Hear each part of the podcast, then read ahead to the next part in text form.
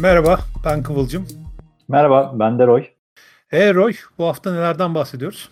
Bu hafta benim aklıma takılan Facebook'un hayatımıza getirdiği Move Fast, Break Things konusunu ve bunun e, bizde ayarattığı dalgalanmaları konuşmak istiyorum. Süper.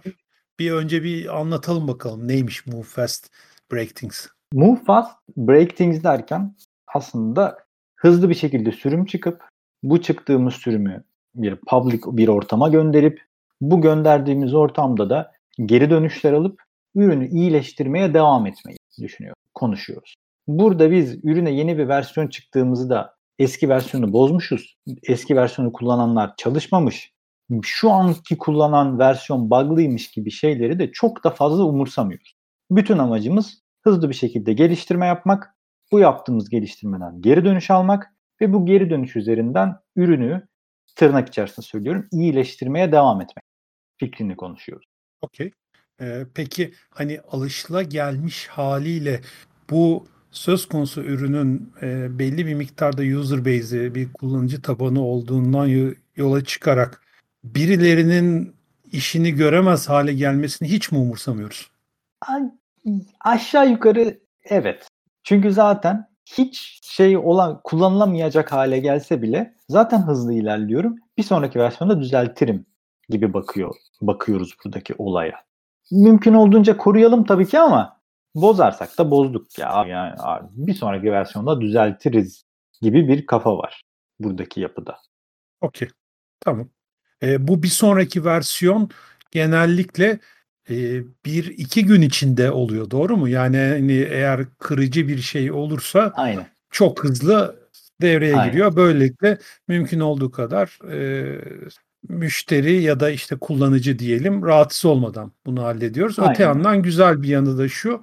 Normalde sentetik testlerle kontrol edip e, yeteri kadar yük altında görmeyeceğimiz bir ortamı da gerçek ortamda görmüş ve aslında e, gerçek anlamda test etmiş oluyoruz. Çünkü o test mes değil gerçeği artık. Aynen öyle. Hani şeyi okay, tamam. bir fokus grupmuş bilmem neymiş falan filan bu tarz şeylere girmeden direkt abi insanlar kullandı. Beğendi beğenmedi. Bunu Twitter'da da görüyoruz aslında. İşte son zamanlarda bir değişiklik yapmışlardı yanlış hatırlamıyorsam. Tweetleri göstermekle ilgili bir yeni özellik release ettiler. İnsanlar beğenmedi ve geri aldılar bunu falan filan. Yani evet, orada evet. da gördüğümüz bir yapı aslında. Bunları bu tarz uygulamalar seviyesinde yaptığımız zaman aslında çok güzel sonuçlar verebiliyor. Ama bunu bir altyapı kafasında burada gittiğimiz zaman bunun işte çok büyük problemleri var. Yani bunu Linux'un e, bir günde bir release çıktığını, işte ayda bir release çıktığını, yani Linux doğru kelime değil ama işte Debian'ın ya da Ubuntu'nun günde bir versiyon çıktığı bir e, dünyanın sorunları var. Yani sunucularda kullandığım bir yazılımın çok da düzgün test edilmeden işte iki günde bir, üç günde bir versiyonunun çıkması beni sürekli olarak versiyon güncellemeye zorluyor. Bu versiyon güncelleme de ben bu altyapı uygulamalarının üzerine uygulama geliştirme yaptığım için benim uygulamamda da sorunlar yaratabiliyor. E diyelim ki işte Linux arka tarafta dosya sistemini kontrol etmekle ilgili bir şey değiştirdi. E, hızlı bu benim uygulamama direkt etkiliyor olabilir. Ve genellikle şöyle problemlerimiz olur. Biz bir versiyonu güncellerken onun bağımlılıkları da güncellenir ve bu bağımlılıklar güncellenirken bizim aslında başka bir şeylerimizi bozar.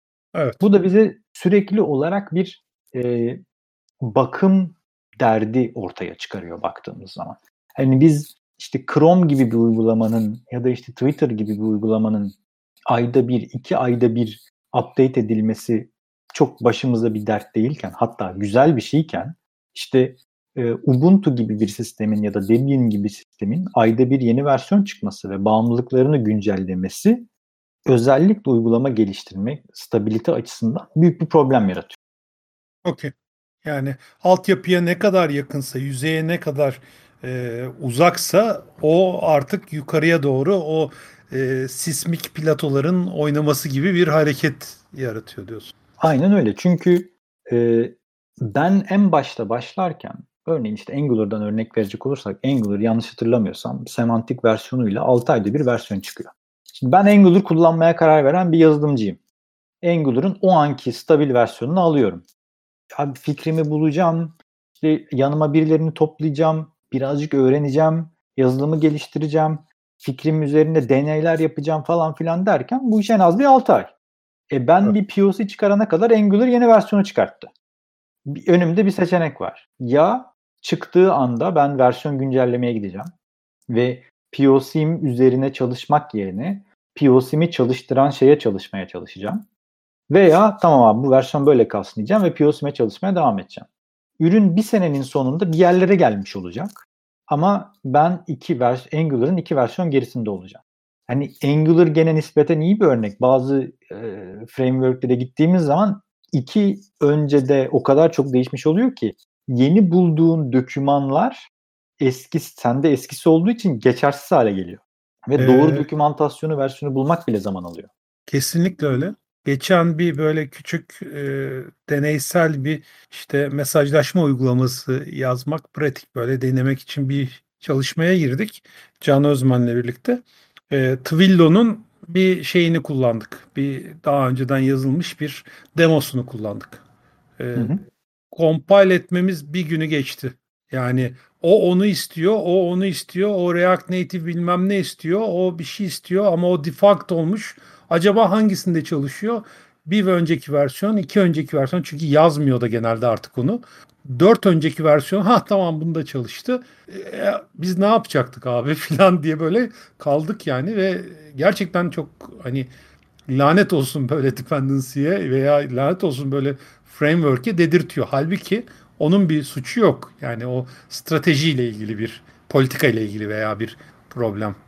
Ee, peki hani bu sonuçta çok yeni bir şey değil, yeni bir problem değil. Ee, yıllardır bu işte breaking change yapmamayla ya da measure sürüm çıkmamayla çözülüyordu. Ee, ama günümüzün çok hızlı değişen web dünyasında artık buna çok tolerans göstermiyor kimse bir an önce yapalım. Nasıl olsa zaten hiç kimse bugün eve gitmiyor, uyumuyoruz. Çözeceğiz deyip e, harekete geçiyor ve bu artık hani alt katmanlara indikçe de ciddi problem olmaya başladı. Hı hı. Ya burada senin örneğine benzer ben direkt yaptığım bir projeden anlatayım. Ee, Ioni'yi herkes duymuştur. Yani e, ya çok büyük ya bakacak olursak. Yani eğer natif uygulama geliştirmek istemiyorsan e, Ionic kullanacaksın mobilde ya da işte React native yapman lazım vesaire falan filan. Ionic'in 0.9 versiyonuyla versiyon 1'i arasında hayvan gibi fark var. Ve ben geliştirmeye biz bir proje için geliştirmeye başladık. 0.9'da başladık. Aradan işte 3-4 ay geçti. Versiyon 1 çıktı. Elimizde şey var. Abi komple değiştirmişler. Hayda falan. Biz bir durduk. Abi yeni versiyona geçelim hani bari. 1.0 oldu, stable oldu dedik. Orada bir güncelleme yaptık. Versiyon 2 çıktı. Gene her şey breaking change. Ee, bir baktık yapsak mı yapmasak mı. Ama yani versiyonda 3 çıkacak gibi gözüküyor. Hadi gene her şeyi bir değiştirdik. E, yaptık. Versiyon 2'den 3'e aynı problem. 3'ten 4'e geçerken düzelttiler. Ve e, şeyleri okuyorsun yani abi hani versiyon 0.9'dan 1'e nasıl geçeceğim? Ya da 1'den 2'ye nasıl geçireceğim? Dokümantasyonunda önerilen şey şu. 1.0'la yeni bir proje yarat. 2.0'la yeni bir proje yarat eski kodunu kopyala, yapıştır. Sonra yani düzelt. Bu, sonra düzelt. Ya bu bir migration pet'i olamaz. Çok iyiymiş. Ee, yani, aynı şekilde juggling'i de öneri, öğretiyorlar. Topları havaya at, düşürmemeye çalış. Yani. Evet. Hani dolayısıyla ya bunun aynı şekilde e, şey için olması yani bir Apache güncellemesinin ya da bir Nginx güncellemesinin böyle olduğunu düşünsek ya Abi işte Korkunç. sen koy web siteni koy çalışırsa çalışır çalışmazsa yeni Nginx'e göre yeniden yazarsın. Yani bu çok büyük bir sorun. Ee, ama burada da işte şeyden kaynaklanan bir problem var. Yani Ionic ne abi? Ionic dediğimiz zaman aklımıza birkaç şey geliyor. Bir, Ionic Framework geliyor. İki, Ionic firması geliyor. Güzel. Şimdi bu Ionic'i yapan bir şirket var. E, şirket olduğu için kaçınılmaz olarak yani para kazanması lazım. Bunun e, güncellemesi yani yeni özellik çıkması lazım bu adamın ki bir şekilde ürününü daha fazla insana yansıtabilsin, daha fazla kişiye satabilsin ve bu işten para kazanabilsin. Bu işte yani tam olarak ve hala fikri de şu yani move fast break things. Ionic'in tam olarak yaptığı şey buydu. Backward compatibility'yi çok umursamayalım. Yeni versiyonlarda breaking change'lerle gidelim.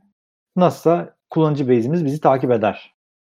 Bazı yani öyle bir yerden yakalıyor ki seni zaten Ionic. Her şeyini Ionic'in üzerine kurmuşsun zaten. Sıkıyorsa takip etme. Ve zaten şeyler de özellikle bu tarz Ionic gibi şirketlerin e, venture kapital gibi yerlerden desteklenmelerinin sebeplerinden biri de bu. Alt yani uygulama geliştireni öyle bir noktadan yakalıyor ki ya vendor luck'ine denk geliyoruz. Yani İstiklal bu, Marşı'nı tersten söylettiriyor diyorsun. Aynen öyle. Yani bugün kendi sunucularını işte AWS'den alıp Azure'a taşımak neredeyse hiçbir business value'su olmayan büyük bir hamaliyelikse Ionic'ten de başka bir yere taşımak yani hiçbir değeri olmayan başka bir hamaliyelik halinde. Bunun için de yapmıyorsun ee, bunu. Okey abi. Bu yani gayet anlaşılabilir. İki tarafında ihtiyaçları e, makul gözüküyor. Firma böyle bir şey yapmaya çalışıyor. Ama mesela Nginx bu kadar denden içinde söylüyorum değişik yorumlanabilir. Maymun iştahlı olsa millet kullanmayı bırakırdı. Yani web sitesi çalışıyor, web sitesi çalışmıyor. Ya da şöyle söyleyeyim, e, metodolojide yanlış bir şey söylüyorsam lütfen düzelt. Normalde bir e, işte e, npm paketler kullanan bir yapıda düşün.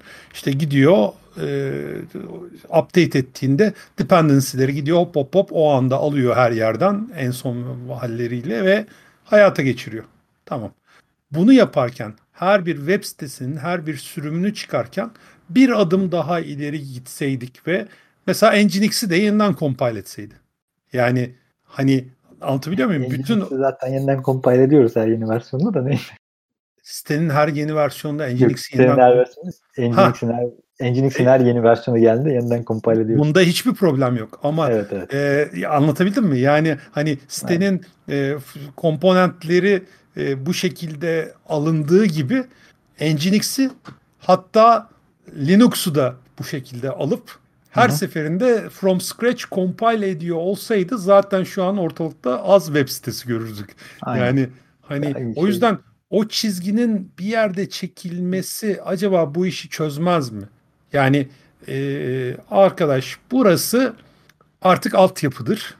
Burası ise e, bizim farkımızı göstereceğimiz ya da işte ne bileyim hani asıl oyun alanımız dediğimiz kısımdır. O oralara istediğimiz gibi dokunuruz, kırarız, dökeriz bilmem ne nasıl olsa hızlı düzeltiriz. Ama altyapıdaki mevzuları gerçekten büyük migration'lar olmadan dokunmayalım desek çözemez miyiz bu işi? Aslında bunun ya bunu şey gibi tartışmanın çok bir şey yok çünkü bu çözülmüş zaten. Yani bu tam bahsettiğimiz konu çözülmüş. Hani işletim sistemleri bunu çözmüşler. Adına da LTS demişler. Ee, evet. Adam Ubuntu bir e, bir desktop versiyonunu ayrı çıkıyor server versiyonuna ayrı çıkıyor. E, ya da de, yani gerçi Debian'ın bir desktop versiyonu yok.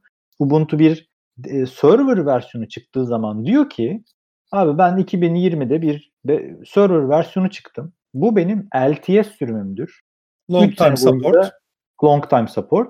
3 sene boyunca da destekleyeceğim bunu. 2023'ten ee, son long time support 7 yıl boyunca abi. Pardon. Olabilir. 3 e, yıl boyunca ben update'leri çıkacağım. 7 yıl boyunca da güvenlik update'lerini çıkmaya devam edeceğim. Ha, Doğru. Tam onu diyecektim. Yani dolayısıyla ben artık bunun üzerine karar verebiliyorum. Tabii. Yani planımı buna kur, onun için kurabiliyorum. Çünkü 3 sene benim için makul bir süre. Yani bir uygulama geliştirmesi için makul bir süre. Tamam abi ben Ubuntu'nun versiyon 20'sini kullanıyorum. Buna lakladım. Şimdi artık bu 3 sene içerisinde uygulamama fokuslanabilirim. Bunun aynısını Ionic'in yapması lazım. Bunun aynısını Angular'ın yapması. Ee, ben eskiden... biraz object edeceğim. Biraz e, itiraz edeceğim buna. Şöyle ki e, Debian'da da benzer bir şey var. E, Debian testing var. E, Debian unstable var. Debian stable var ve Debian rolling var. Yani Hı-hı. rolling'in başka bir ismi var galiba. Devamlı update ede ede yuvarlanarak gidiyor. 2000'den ee, beri takip ediyorum ben Debian'ı. Ee, değişti bu stratejiler. Küçük küçük de olsa değişti. Hı hı. Ama burada şöyle bir ilginç şey var. Ee, Apache, Linux, Debian bunların hepsi günümüz geliştiricileri açısından ya da günümüz ekosistemi açısından biraz benim old söylüyor school. olmam çirkin ama evet old school, old school. yani hani e, günümüzün önde gelen isimleri, önde gelen geliştiricileri bu ekosistem o kadar tolerans göstermiyor. Yani ya kırılırsa da kırılır bana ne düzeltir devam ederiz diyor. Yani onun yerine hani yılların biz 4 yıl Debian'ın yeni versiyonu çıkmasını beklemiştik tamam mı? 4 yıl bekledik yani. Millet şimdi şeyi bekleyemiyor. Ubuntu'nun bir sonraki versiyonunu bekleyemiyor. Nerede kaldı LTS? Yani. Aynen öyle. Ee, dolayısıyla hani şimdiki gençler de ki ben bayağı anlayabildiğimi düşünüyorum. Ya benim gazım gelmiş yepyeni bir şey denemek istiyorum. Gencim ben deneyeceğim abi niye moruklar gibi bekleyeyim diyor ve yardırıyor. Şimdi bunu mu kaldıracağız ortadan mesela? Nasıl bir şey olabilir? Yani hani işletim sistemindeki o LTS yaklaşımı gerçekten e, carrier grade bir yaklaşım. Yani senin uzun vadeli önünü görmeni sağlıyor. Ama bu çocuklar da diyor ki ya arkadaş ben iki yıl sonra şirket ayakta olacak mı onu bile bilmiyorum. Şu an gazım var, enerjim var. Tavında döveceğim ben bu demiri. Sen bana niye engel oluyorsun? Ne diyeceğiz? Ya hype driven development'ı engelleyebileceğim bir şey yok. Buna ayrı konu, buna ayrı tartışırız. Ama okay. e, yani şey de ya işte Ubuntu'nun yaptığı çok güzel abi iki tane versiyonu var. Bir desktop edition'ı var, bir server edition'ı var. Server edition'ı işte LTS diyor. 3 senede bir destekleyeceğim diyor. Abi 6 ayda bir de şey çıkıyor. E, normal desktop versiyonu çıkıyor. Aynısını Angular'da yapsın. Sadece Angular işte atıyorum senede bir çıkarttığı bir release'e desin ki bu benim LTS sürümümdür. Evet. Ben LT'ye şunu garantilemesi bizim için yeterli. LTS sürümleri arasında net bir e, migration petim olacak. Tabii. Yani versiyon 1.1 benim LTS versiyonumdur. Versiyon 2.1 benim bir sonraki LTS versiyonum olacak. Ve 1.1'den 2.1'e nasıl migrate edeceğim dokümante olacak. Bu çoğu developer için yani uzun vadeli plan yapmak için yeterli bir commitment aslında. Bizde bu yok. Yani versiyon 1'den versiyon 2'ye 6 ayda 7 ayda bir sürekli değişen bir yapıyı development ortamı için çok zor. Bir de hepimiz dependency'lerin içinde yaşıyoruz. Yani şeyin npm'de bir tane paketin silinmesi bütün e, build'leri etkiledi bundan birkaç sene önce. Tabii tabii şey e, Azer'in hikayesi. Satır çevirme muhabbeti evet. Evet yani left padding kaldı diye ve yani bir tane fonksiyondan oluşan bir paket kalktı diye insanlar Siteler projelerini inmiş. derleyemediler. Şimdi bu Tabii. kadar dependency'nin içerisinde boğulmuşken sürekli olarak işte bundle update'di, npm update'di, pip update'di yapmak her defasında korkutucu. Çünkü sen bir yandan stabilite ve yeni özellikler için güncellemek isterken diğer taraftan da stabilite gerekiyor. Tabii. E ve Servis bu stabiliteyi de bir şirket olarak sağlaman gerekiyor yoksa parasız kalıyorsun. Yani müşterini kaçırıyorsun. E çalışma aynı çalışmayan bir e, hizmete insanlar niye para vermek istesinler? Çok bu... emin değilim abi. Yani şöyle söyleyeyim. E, ben de nispeten bir altta sağlam taş gibi bir şey olması lazım. Üstünde istediğin kadar deney yap taraftarıyım. E, ve mesela yani ayar olduğum şeyler var. En basit örneklerinden Discord'un böyle her login olduğumda update etmesi. Allah'tan evet. çok hızlı yapıyorlar filan. E, ama e, bir ortama baktığımda yani belki de günümüzü yanlış yorumluyorum. E, her seferinde biraz daha böyle özellikle de paradigma değiştirici konularda yani e, normal bir web serverda çok büyük bir şey değişmiyor. Linux işletim sisteminde işte file sistem değişiklikleri ya da işte scheduling gibi değişiklikler dışında ya da kullanıcıya yansıyan çok bir şey değişmiyor versiyondan versiyona ama e, diğer sistemlerde bir şey değiştiğinde e, gerçekten aa bak tecrübe değişti. Aa bak ne kadar ilginç oldu diyorsun. Özellikle demin söylediğim paradigma değiştirici şeylerle de örnek MongoDB mesela. Hı hı. Yani MongoDB hakikaten bizim relational database yaklaşımına bayağı bir meydan okumaydı. E, leş gibi bir şekilde çıktı. Yani hani e, bu işte ilk şirketler zaman, batırdı. Şirketler batırdı. İnsanların verileri internette açık hale geldi. İşte Shodan'la çok kısa bir e, şey yaptığında, tarama yaptığında internete direkt açık binlerce MongoDB database'i buldun. Daha da oraya da gitmeden yani ya güvenlik ya sen rahat ol ya bakarız filan konusuna daha girmeden MongoDB ilk çıktığı zamanlarda yeni bir söylemle ve çok devrimsel bir söylemle işte bakın ben böyle böyle yapıyorum relational olmak zorunda değil filan derken e, günde 2-3 defa reboot etmen gereken bir şey. Durmuyordu yani. Hani normal normal sürdürülebilir durmuyordu. Yani reboot etmezsen çakılıp kalıyordu. O yüzden düzenli 18 saatte bir falan reboot etmen gereken, restart etmen gereken bir süreci vardı. E, acaba kafama şu soru geliyor. Yani yeni bir şeyler deneyelim, yeni bir şeyler yapalım heyecanı içinde standartlarımız, servis standartlarımız mı düşük o zaman? Yani hani veya bir trade-off mu yapıyoruz abi? Yani hani ya zaten her site çatlıyor, patlıyor arada sırada. Biz hızlı, onu hızlı çözersek yeterli olur. Yani stabilite mutabilite çok takılmıyor. Biz yeter ki komşu siteden daha böyle enteresan bir şeyle çıkalım mı feda ediyoruz da o yüzden mi Ionic vesaire böyle davranıyor? Bunun için şöyle bir e, örnek vereyim. E, bir şirkete başladığımız zaman oradaki koda bakarız. Ya ne kadar kötü yazmışlar. Bu kodu aslında yeniden yazmak lazım deriz ya. Evet, Bu her çok standart bir developer bakış açısı. Yani evet. orada geçmişteki ya o kodda bana ne kadar zamanları var? İşte atıyorum 10 sene, 5 sene, 10 sene neyse.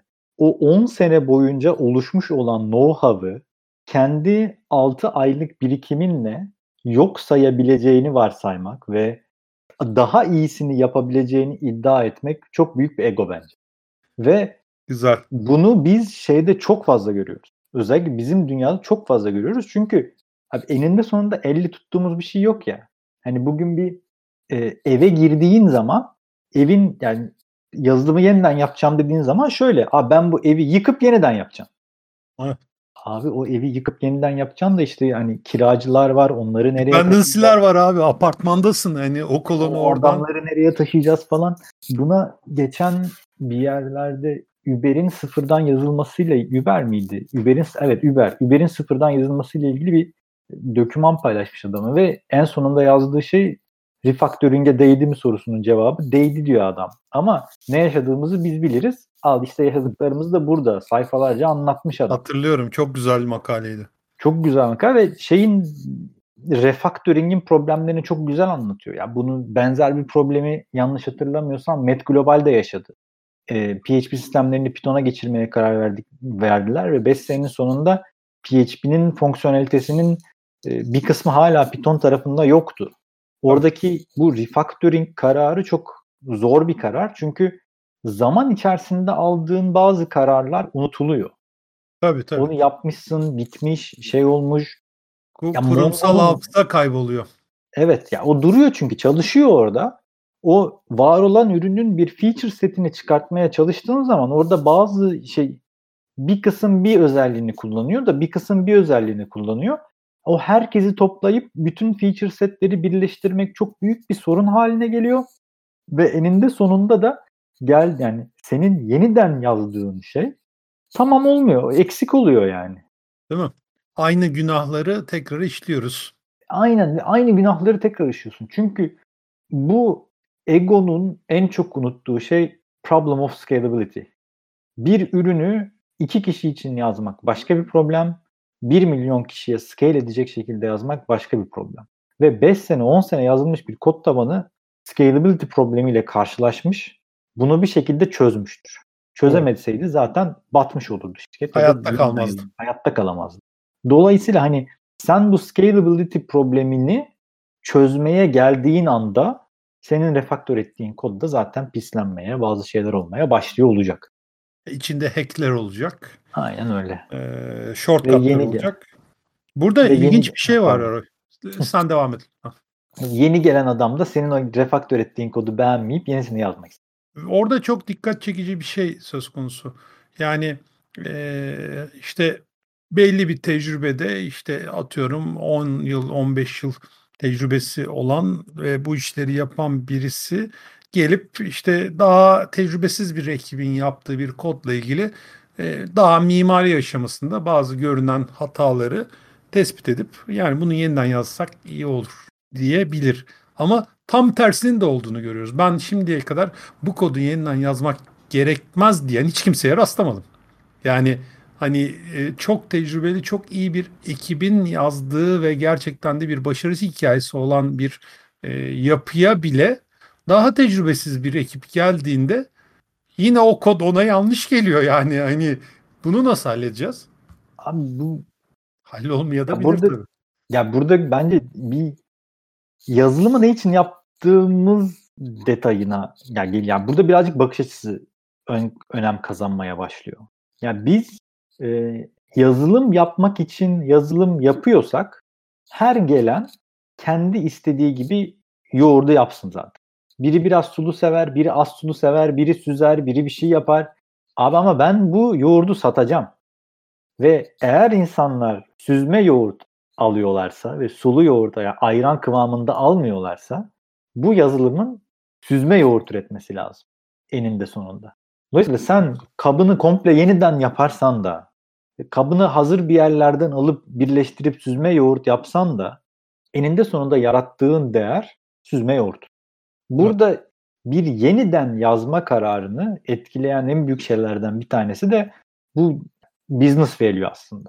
Ve özellikle junior'ların değil ama senior bir developer'ın eğer business value olarak bakış açısı yoksa bu zaten yazılımı yeniden yazılım demek mental mastürbasyondan başka bir şey değil.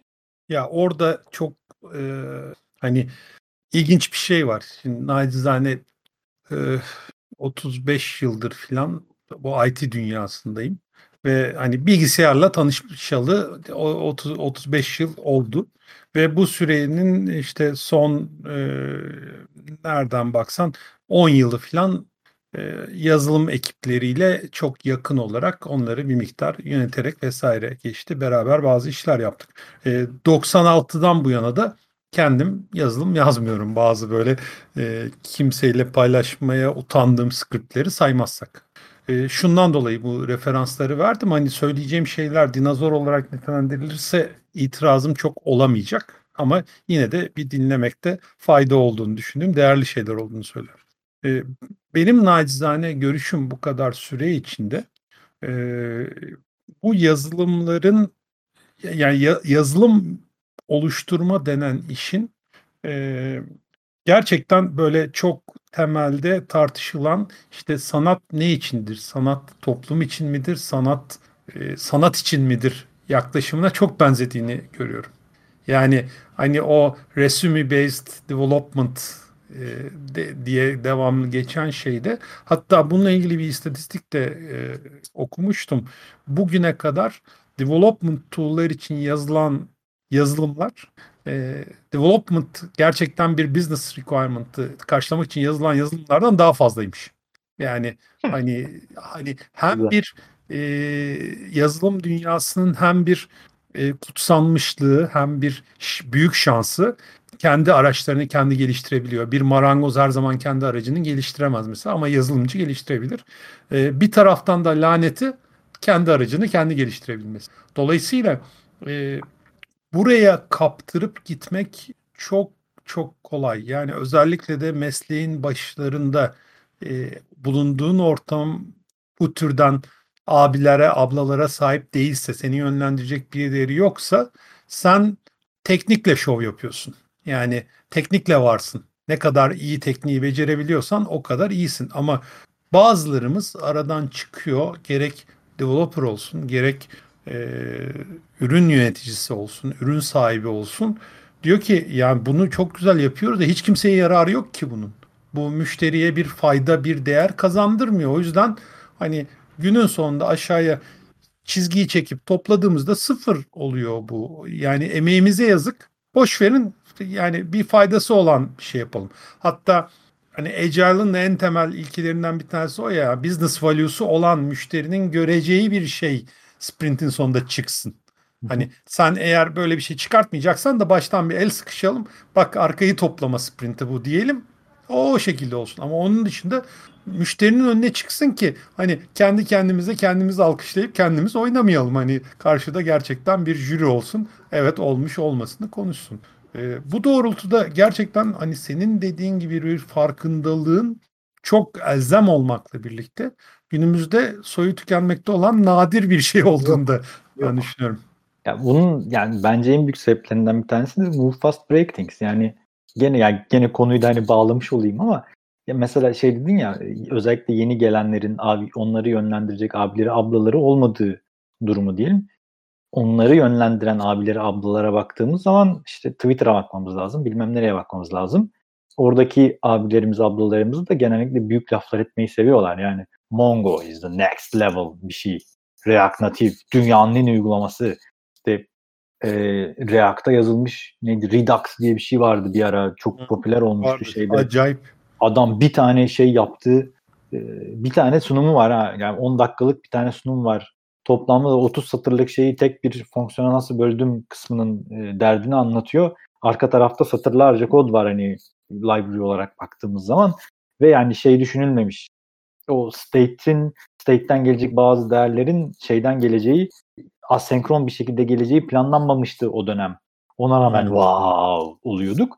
Ve bunun işte bu yani bunun adı aslında bence hype driven development. Ee, bunun için belki başka bir bölüm üzerine daha detaylı konuşuruz ama e, buradaki işte tam da anlattığım, anlatmak istediğim şey bu abi yani yeniden yazalım görelim daha iyisini yaparız. İşte yani hızlı hareket edelim. Al bunu atalım, başkasını yapalım falan filana denk geliyor. Bu da çok şey yani birinin abi hani saçmalamayın demesi gerekiyor. Hı. Bunu da diyen çok insan yok. Çünkü e, şey de çok büyük sıkıntı. Yani bir noktada gerçekten yeniden yazman gerek. O an e, o ana karar vermek kolay değil. Yani tabii, tabii. 10 senelik bir yazılımın sabit kalması mümkün değil. Değişecek, ilerleyecek. 10 senelik bir yazılım işte Fortran'la yazdıysan artık Fortran'la devam edemezsin. Hani bunu şey diye demiyorum. Özellikle Fortran örneğini verdim. Hani PHP ile yazdığın bir şeyi hala 10 sene şu anki 10 sene önce PHP ile başladığın bir projeyi hala PHP ile devam ediyor olabilirsin ama Fortran değil yani. Ee, ve PHP'nin işte 10 sene önce 5 ile başladığında PHP 8 çıktı. Ona da adapte ediyor olman lazım bunu. Burada bir refactoring için bir yol bulunması gerekiyor. Birazcık mikro servis mimari kafası yani Allah belasını versin mikro servislerin ama hani e, şeye gelecek yani yavaş yavaş o da kullanım amacına oturacak yolu bulunacak. Yani bir şirketin binlerce mikro servisini alıp yönetmesi mümkün değil. Hani ona bir ya çok büyük bir yazılım ekibi olacak o zaman ne olacak ne bitecek bilmem ne falan filan ama o zaman da her mikro servise bir tane geliştirici bir tanesi testçi bir tanesi deploymentçı bilmem neci falan filan olacak o ne o kadar insan ne için çalışıyor olacak. Ama bu mikro servisler özellikle bu refactoring için çok güzel bir fırsat sağlıyorlar. Zaten hani yola çıkış amaçları da o ya yani bir günde evet. yeniden yazamayacağım bir mikro servis çok büyüktür. Bunu da evet. çok büyük abilerden mikro biri diyor da e, bunu da çok büyük bir abi diyor da ya şey diyesim geliyor. Ya yapma abi din kardeşiyiz diyeceğim de Tabii, gün, günün sonunda yani. öyle olmuyor diyorsun. Evet. evet günün sonunda öyle olmuyor yani o kadar çok mikro servisi deploy edip yönetmek de işte kendi kendine bambaşka bir e, problem of scalability yarattın. Bizim e, şu ana kadar ki şeyimiz e, yazılım bilgimiz yani son birkaç sene hariç tabii ki monolitik uygulamalar üzerine yoğunlaşıyordu. Ve biz o uygulamalar üzerine nasıl scale etmeyi daha iyi biliyoruz. Mikro servise nasıl scale edeceğimiz birazcık bir deneydi işte e, bu mikroservis yani daha yeni yeni işte bu Docker'dı, Kubernetes'di, Docker Compose'du bilmem neydi bunlarla birlikte bakmaya başladığımız zaman mikroservisler birazcık daha yönetilebilir bir hale gelmeye başladılar. Doğru. Yoksa şeyleri kaldır. Hadi bakalım oraya bir tane sunucu yarat. Orada bir mikroservis kaldır. Şurada bilmem ne yap. Bir mikroservis burada kaldır. Hadi bunları update et bilmem ne falan. Bu çok kolay bir süreç değil. Özellikle ekibin çok büyük değilse. Bu noktada refactoring için bir yol bulunması lazım ve yani monolitik uygulamalar için de bulunması lazım. Burada da en güzel şey hakikaten e, böl, parçala, yönet. Yani zaten bir probleme de biz yazılımcılar olarak genellikle böyle yaklaşıyoruz. E, çiğneyemediğimiz lokmayı kesip kesip çiğneyebileceğimiz hale getiriyoruz. Refactoring de böyle bir şey. Biz böleceğiz abi hani tamam yazılımın bir parçasını refaktör edeceğiz ve bir problemi de çözeceğiz. Diğer yerler aynı kalacak. Yani uygulamayı komple işte Fortran'dan Python'a geçirmeyeceğim de uygulamanın bir kısmını alacağım. Onu dışarıya taşıyacağım. Onu Python'la yazacağım. Ya da dilimi, programlama dilimi değiştirmiyorsam uygulamanın o, o kısmını alacağım.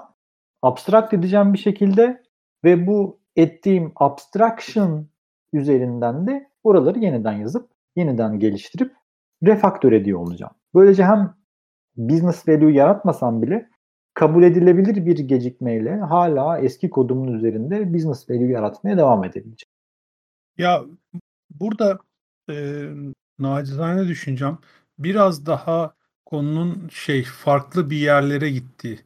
Yani e, nasıl ifade edeyim sana? Hmm, sonuçta bu bir üretim süreci. Tamam mı? Yani insanın e, işte e, yani yaklaşık işte 6000 yıllık bir geçmiş üstün içinde değişik değişik ürünleri, servisleri üretip insanlığa sunduğu bir sürecin bir parçası. Ürettiğimiz üründe yazılım ve onun servisleri. Dolayısıyla temel ilkelerde çok büyük bir değişiklik her ne kadar malzemede ve üretim teknolojisinde değişiklikler olsa da burada çok büyük bir değişiklik olmamasını bekliyoruz. Şuradan dolayı geleceğim. Ee, günümüzde bu bahsettiğim problemlerin gerçekleşmesinde en hassas noktalardan bir tanesi bir bilim tarafından, bir mühendislik tarafından yeteri kadar desteklenmeyen bir alanda çalışıyor olmak olabilir mi? Yani şöyle özetleyeyim, yeteri kadar desteklenmeyen doğru laf olmayabilir. E, pratiğin hem bilimden hem mühendislikten çok daha önde geldiği, çok cevval, süper, inanılmaz, e, zanaatkar ustabaşıların e, her şeyi yüklenip inanılmaz binalar yaptığı bir e, New York gibi yani hani hiç kimse mimarı doğru düzgün dinlemiyor. Hiç kimse inş, yani inşaat bilimi profesörünü, statik profesörünü dinlemiyor. Abi ben şahane yaptım işte bak şimdi yeni bir framework yaptım. Tecrübelerim doğrultusunda bence şu design pattern çok daha iyi bir design pattern'dır diyor ve yeteri kadar taraftar tutup yeteri kadar iyi sonuç alırsa da hurra o taraftan gidiyoruz. Hani belki de temeldeki problem bu tür bir şeydir olabilir mi? Ya olabilir. Çünkü ya o bahsettiğin yani mimarlık karşılaştırması çok güzel bir karşılaştırma. Çünkü zaten biz bir yazılım mimarisi tartışması da yapıyoruz ya. Ama bu yazılım mimari tartışmasını dediğin gibi çok bilimsel ya da sayısal şeyler üzerinden yapmıyoruz. Genellikle abstrakt konseptler üzerinden yapıyoruz. İşte şunu şöyle yönetirim, bunu bu, bu ile yaparım falan. Evet. Çünkü çoğunlukla bunu şöyle örnek vereyim. Bazı e, bir ev yapmak 3 aşağı 5 yukarı her yerde aynı. Yani bir işte duvarlarla odalar yaparsın, kapılar koyarsın, insanlar içinden geçerler ve bunun gibi. Yani mimari çok mimar kıslık kısmını çok iyi bilmiyorum. Hani sen daha iyi bilirsin oradaki şeyleri de. Biz bu uygulamayı şeye yani bir pattern'a çevirmeye çalıştığımız zaman örneğin işte insan şeyi, insan sınıfını ele alalım. Bu insan sınıfı bir e, human yani insan kaynakları uygulamasında bambaşka bir özelliklere sahiptir. Yani relevant özellikleri bambaşkadır. Bir fabrika uygulamasında bambaşkadır. Dolayısıyla sürekli olarak e, depth değiştiği için bir yorum giriyor işin içine. Hani ben duvar yapmayı şöyle yorumladım diyemiyorsun mimarlık çoğunluk. Çünkü işte atıyorum 4000 yıllık bir geçmişi var duvar ma- ma- Maalesef diyorsun abi ve çok acayip şeyler çıkıyor. Ama işte, anladım işte, şeyi. Evet. Evet. Ee... Hani kon, yani conventional wisdom'dan uzaklaşabiliyorsun bazen ama yazılımla ilgili en büyük sorunlardan bir tanesi conventional wisdom'ımız Wisdom yok daha ortada. yok. Evet, hani çünkü evet. kaç e, 50-60 yıllık bir şeyden bahsediyoruz ve çok hızlı değişiyor. Yani dediğin gibi pratik bilimin daha önünde. Ve çok önünde, şeyin yani. tartışmasını da yapabilir. Yani hani ha, bilim ne yap yani kaç kişi computer science okuyor ki e, yani ne kadar computer engineer çıkıyor ne kadar computer scientist çıkıyor hani daha fazla computer scientist çıksa bu gerekli midir gereksiz midir hani bunlar da daha fazla tartışabilir ama pratik olarak şey çok ileride ve pratiğin e, elinde şöyle bir bilgi var. Scalability. Yani evet. pratik pratik yani duvar ustası gökdelen dikmeyi bilirken aslında aslında yok biliyor musun Roy? Ee, çok ilginç bir detay vereceğim bununla ilgili. Ee, Chris Hoca zamanında bilgideki Chris Hoca bununla ilgili bir sunum yapmıştı. Ben de orada canlı canlı seyretme imkanına sahip oldum. Sunumda şu abi. Ee, bir e, sosyal medya uygulaması 2000'li yıllarda bulunan 2002'de galiba bulunan bir sosyal medya uygulaması Çember galiba. E, çok güzel bir özelliğe sahipmiş. Özellik de şu. Sen e, X kişisine kaç dereceden bağlısın? Yani dördüncü atlamada X kişisine ulaşıyorsun bir yerlerden. E, ya da işte sekizinci aşamadan 8. dereceden ulaşıyorsun şeklinde. Bu özellik böyle insanların yakınlık duygusunu e, tetiklediğinden hani daha değerli, biraz daha uzak falan gibi bir şey yapıyormuş. Bunu satın alan firma da özellikle bu yöntemi çok sevmiş. Yani bu yaklaşımı çok sevmiş ve hani çemberin satın alınma sebeplerinin en büyüğü olarak bu geçiyor. Fakat e, çember bu satın almayı yaptıktan sonra, satıldıktan sonra bu daha büyük olan sosyal ağda bunu kullanmaya başlamış. Fakat komik olan şey şu. E, çember bunu kartezyen çarpımı ile yapıyormuş. Yani x faktöriyel hop hop hop ağaçları oluşturuyor. Oradan gitti tamam okey. Çemberin kendisini satın alan e, sosyal medya uygulamasına göre kullanıcı sayısı yüzde bir binde bir gibiymiş. Hı hı. Ölçek büyüyünce darmaduman olmuş. Yani öbür tarafa uygulamaya kalkmışlar. O kartezyenler dehşet boyutlara gelmiş. Hani insanoğlu hı hı. lineer olmayan bir şeyi anlamakta, algılamakta güçlük çekiyor ya. E, dehşet boyutlara gelmiş ve çözememişler. E, ve yani uygulama bayağı patlamış yani. Hani çember gibi çalışmıyor o boyutta. E, biz bunun için aldık hani milyon dolar para verildi falan. Bunun üzerine bilgiye gelmişler. Chris Hoca'nın ismini duymuşlar. Chris Hoca'ya hani bunu algoritmik olarak çözebilir misiniz demişler. Chris Hoca da yaparız demiş. Ee, işte yani yanlış hatırlamıyorsam 5000 dolar gibi bir ücret istemiş. Döner sermayeden. Ya 5000 ya 10 bin dolar. Yani söz konusu olan milyon dolara satılmış bir şeyin e, uygulamanın alame-i faikası hani satılma sebebinin aktif hale geçirtilmesi. E, bu para çok bulunmuş biz hallederiz demişler. Halledememişler. O özelliği kaldırmışlar. Şimdi buraya kadar yani hani ticari şartlar bilmem ne. Chris Hoca'nın asıl güzel söylediği şey şuydu.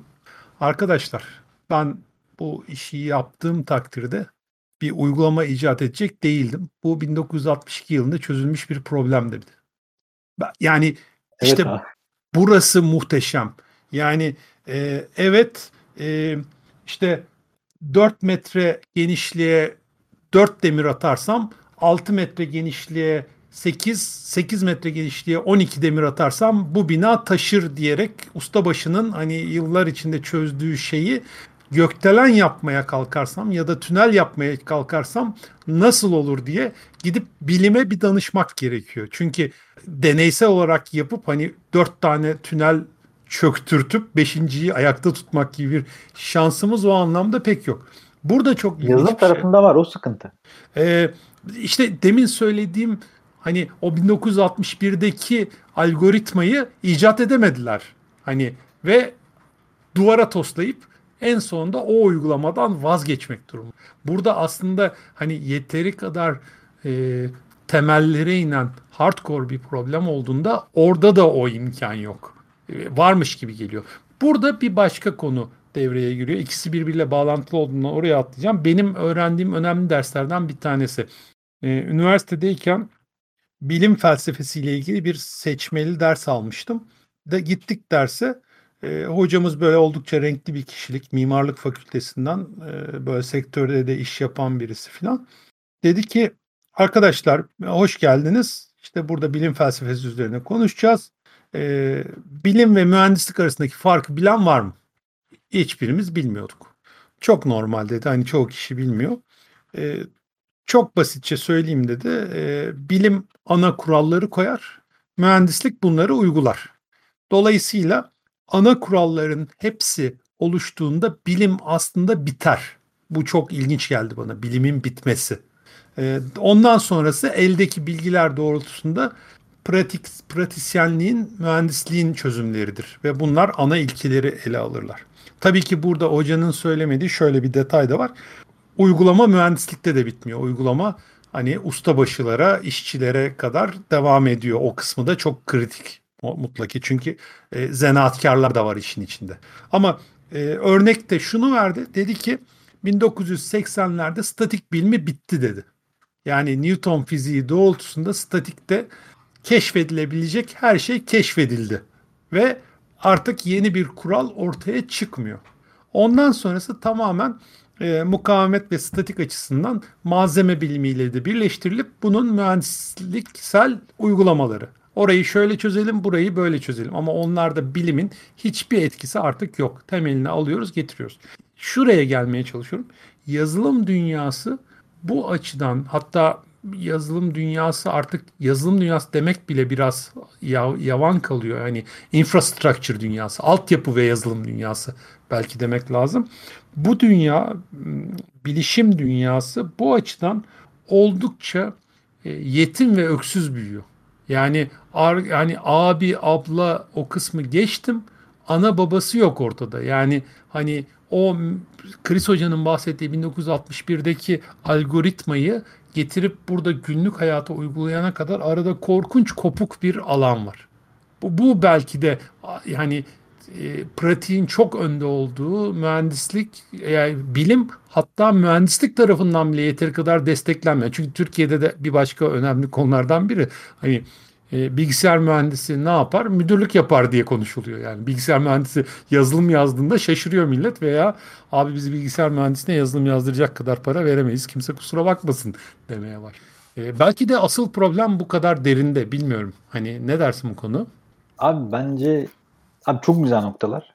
Abi, ya bu mesela Chris Hoca'nın bahsettiği problemin çözümü bilgisayar biliminde değil abi. Bu matematik problemi.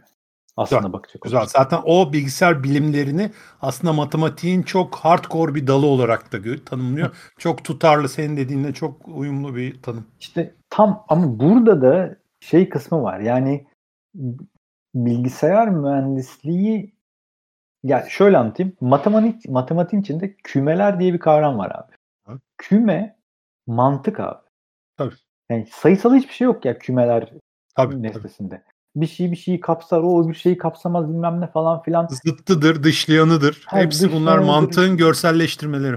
Heh, şimdi yazılımın yani yüzde otuzu yüzde kırkı matematikken geri kalanı mantık.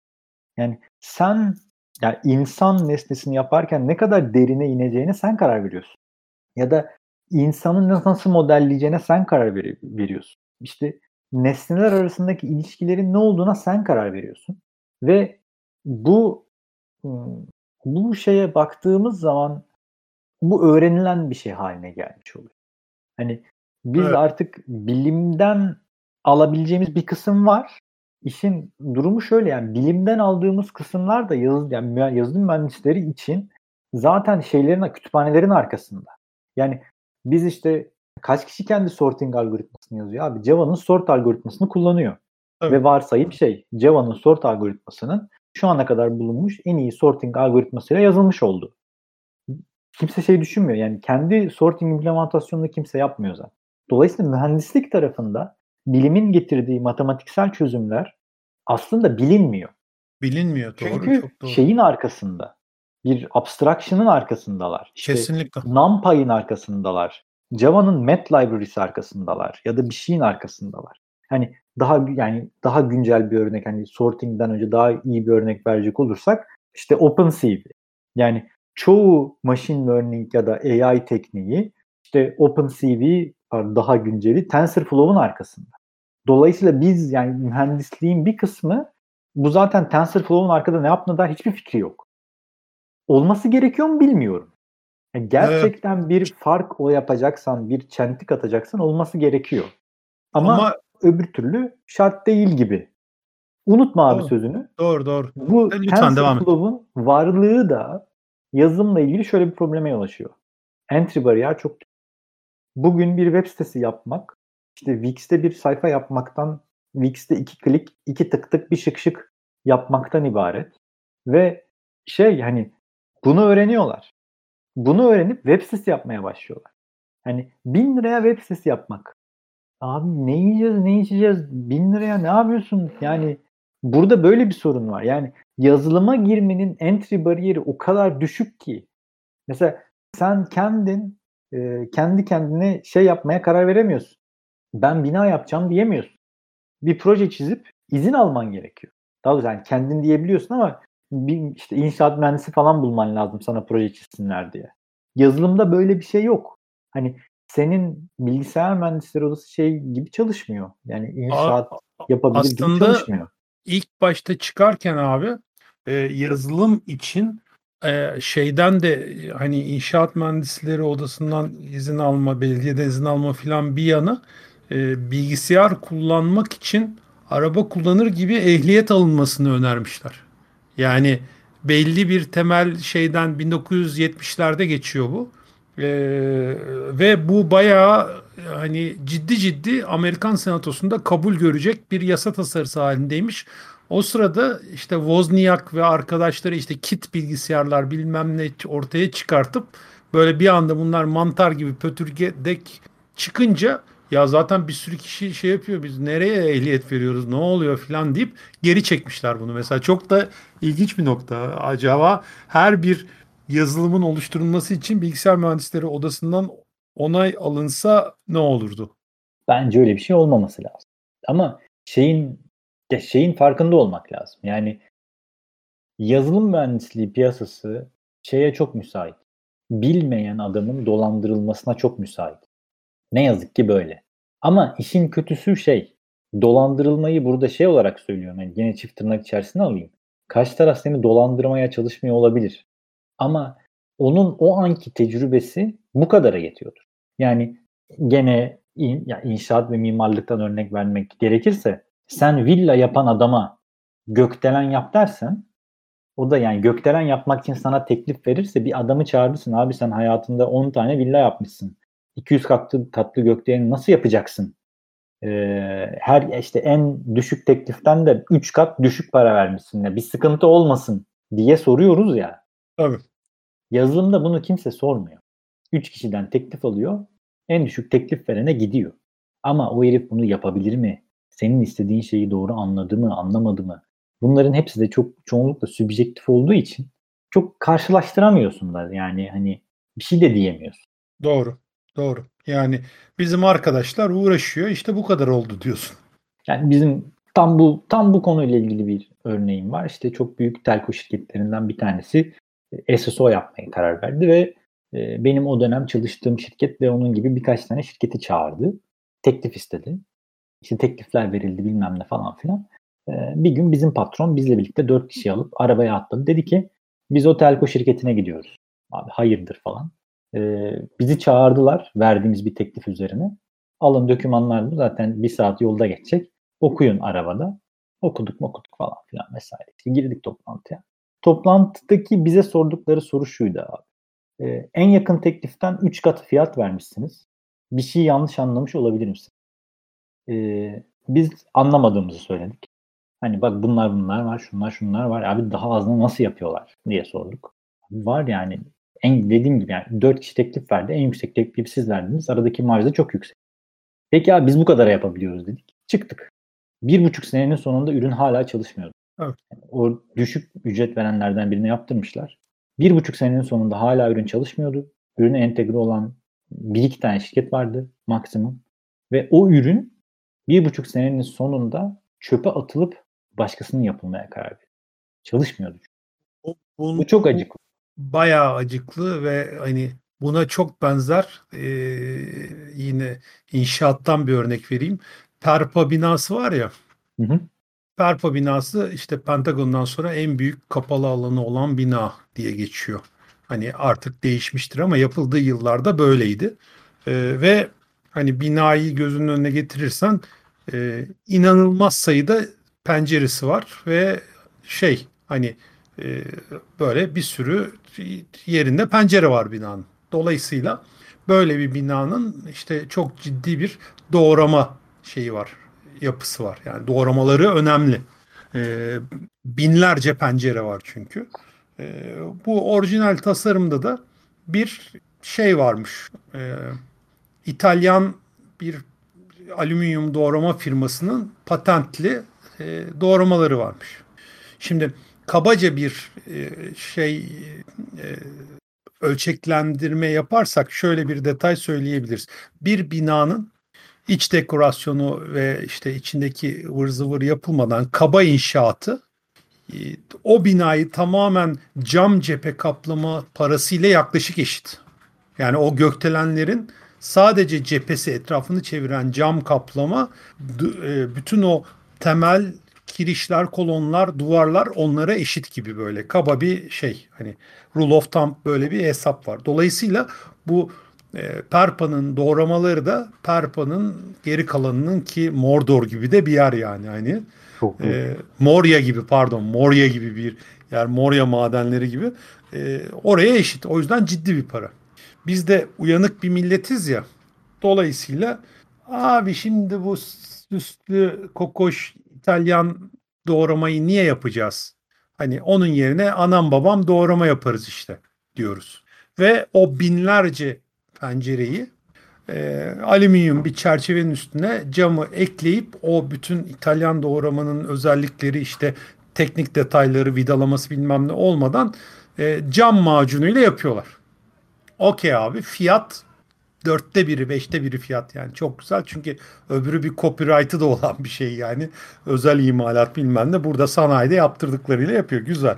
Ee, çok ucuza mal oluyor ve açılıyor. Açıldıktan bir yıl sonra filan e, o bölgede çok ciddi sayıda martı var. Martılar şeye dadanıyorlar. E, tonlarca macuna dadanıyorlar. Yani o şeylerin taze taze macunlarının tadına bakıyorlar. Hoşlarına gidiyor. Macunlar macunları tırtıklamaya başlar. Macunları tırtıklayınca bu sefer e, camlar sökülüyor ve düşmeye başlıyor. E, yani ha, hayati tehlikede var yani o yükseklikten cam düşüyor falan devamlı bir patlama matlama aman ne oluyor ne oluyor. E bu böyle olmayacak ne yapalım diyorlar. Şey galiba e, binanın işte e, müteahhiti galiba Urfalı. Diyor ki bu şeyin içine bol acı koyarsak macunun içine o kadar da bir iki yerler sonra yemezler.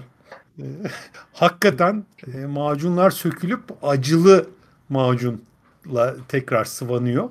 Bir miktar maliyet artıyor. Ondan sonra ilk böyle martılar geliyorlar bir tadına bakıyorlar falan beğenmiyorlar falan. Ama sonuçta İstanbul martısı denize gitmeyen bir martı. Bayağı sokak aralarında çöplükte besleniyor. Her şeyi yer. Dolayısıyla bir süre sonra acılı macunu da yemeye başlıyorlar ve rakı filan istiyorlar artın, yanında artık. Tekrar camların bir kısmı iniyor. Yine maliyet artıyor. Bunun üzerine diyorlar ki o zaman macun olmayacak. Biz bu işi şey yapalım, silikonlayalım silikonluyorlar bu sefer macun, macunları söküp. Bu sefer martılar alışmış ya iyice. Tekrar bir ısırıyorlar. E, şimdi silikon gelmiyor. Gelmeyince bir çekişte bütün camı indiriyorlar aşağıya. tamam mı? Ve yine bayağı bir zarar ediyorlar ve diyorlar ki tamam abi biz bu İtalyan doğramayı yapalım. Yani o kadar güzel senin anlattığın hikayeye benziyor ki yani günün sonunda gerçekten e, evet her şeyi şıkır şıkır yapmanın çok ciddi maliyetleri olabilir ama bazı şeyleri de düşünmek zorunda kalmıyorsun. Çünkü onlar zaten çözüldüğü için önüne öyle geliyor. Aynen. Ve aradaki farkı anlayamayan bir müşteri, anlayamayan bir pazar olduğunda da e, arkadaş şurada iki tane duvara çizgi çekeceksin sen kendini Michelangelo mı sanıyorsun diyor adam sana. Hani böyle o Aynen. muameleyi görüyorsun. Ee, önemli tam nokta da, yani. Evet abi tam da işte ya zaten Move Fast Break Things'in de getirdik. Hani konuyu da birazcık bağlamaya çalışayım. Birazcık evet, uzaklaştık evet. ama hani Move Fast Break Things'in de getirdiği şeylerden biri bu. Yani Coursera'dan bir tane ders alıp ben yazılımcı oldum deyip yazılım yapmaya başlayıp abi fail ederse de fail eder diyor insanlar ve bu insanlar hani para ve zaman olarak e, genellikle geri dönüyor. Ne yazık ki paranın geri dönüşü var ama zamanın geri dönüşü olmuyor. Ya ben açıkçası Move Fast Break Things konusuna e, büyük ölçekten inanıyorum. Yani fakat e, o yapının içinde yer alan birisi olmak istemezdim. Sebebi de şu. E, bu genetik bir algoritma. Yani e, yap olmadı bir daha yap olmadı bir daha yap daha iyi yap hop hop hop hop hop geliştiriyorsun ve en sonunda belki de mükemmel hale getiriyorsun. Belki de machine learning'in de zaten temelleri buralarda hani sonsuz derecede fail edebilirsin. Yeter ki her fail ettiğinde, her başarısız olduğunda bir şeyler öğren. E, tasarımı bir adım daha öteye götür. Ama bu meşhur işte Miyazaki'nin tepki gösterdiği bu insanlık dışı bir şey dediği hani bir e, robot bacaklarının hareket etmesi algoritması videosu vardır. Müthiş. Hani ilk böyle ayağa kalkmaya çalışıyor, beceremiyor. Amip gibi bir şey düşüyor. Tekrar biraz daha uzuv geliştiriyor filan falan gidiyor.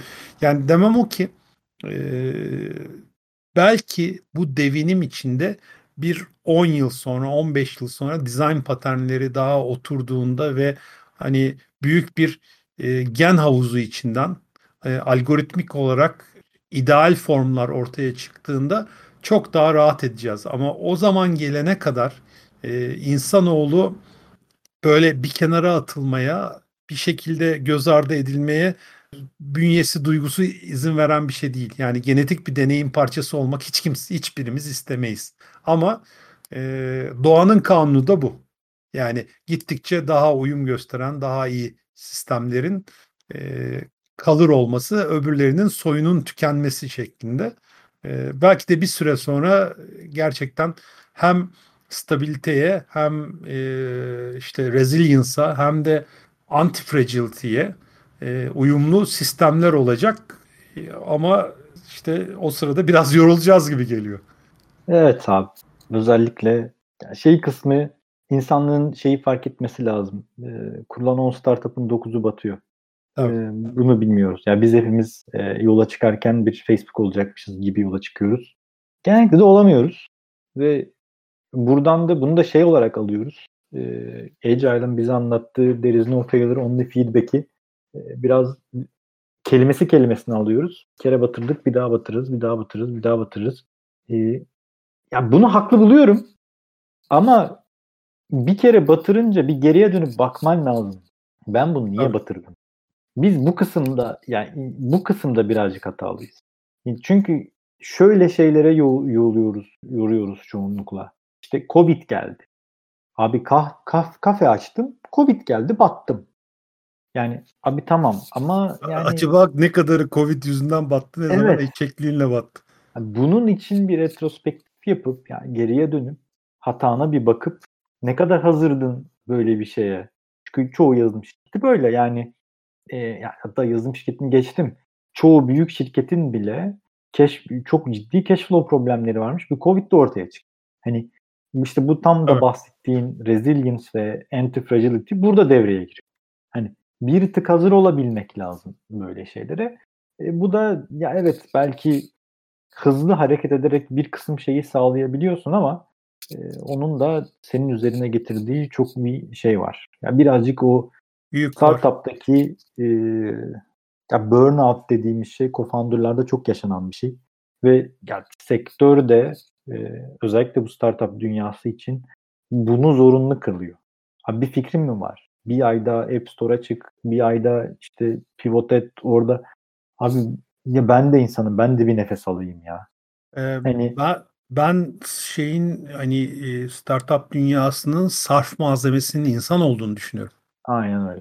Aynen. Yani e, Neil Stephenson'ın Snow Crash kitabında çok güzel bir sahne vardır. İşte Amerika'ya böyle bir e, ne diyeyim uçak gemisi e, şeye surplus olmuş işte ıskartaya çıkmış bir uçak gemisi dolusu e, göçmen ve bu gemiye de bir şekilde eklenmiş işte salla malla bilmem ne o gemiyle birlikte gelen e, on binlerce insanı e, getiriyor bir abi Ve işte ya böyle bir şey niye yapıyorsun? Bak nasıl barındıracağız bu adamları bilmem ne filan derken adam diyor ki e, sen diyor burada diyor insan görüyorsun ben plankton görüyorum diyor.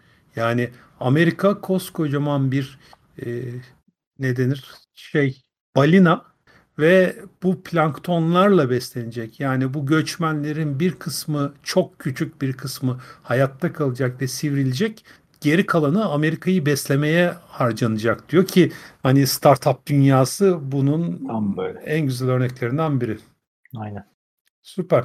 E, Valla bence yani bu konuya bu kadarlık süre içinde girilebilecek kadar derine girdik. Daha fazla derine girersek hasbel kadar bizi dinleyen birilerinin boğulmasına sebep olacağız. Aynen. E, çok teşekkürler Roy. Çok güzel bakış açısıyla çok böyle sektörün içinden bir e, yaklaşım sergiledin. E, umarım önümüzdeki günlerde gelecekte bu problemlerin çözülmesine dair de bir bölüm yapma imkanı buluruz. İnşallah. Tekrar görüşmek üzere o zaman. Görüşmek üzere.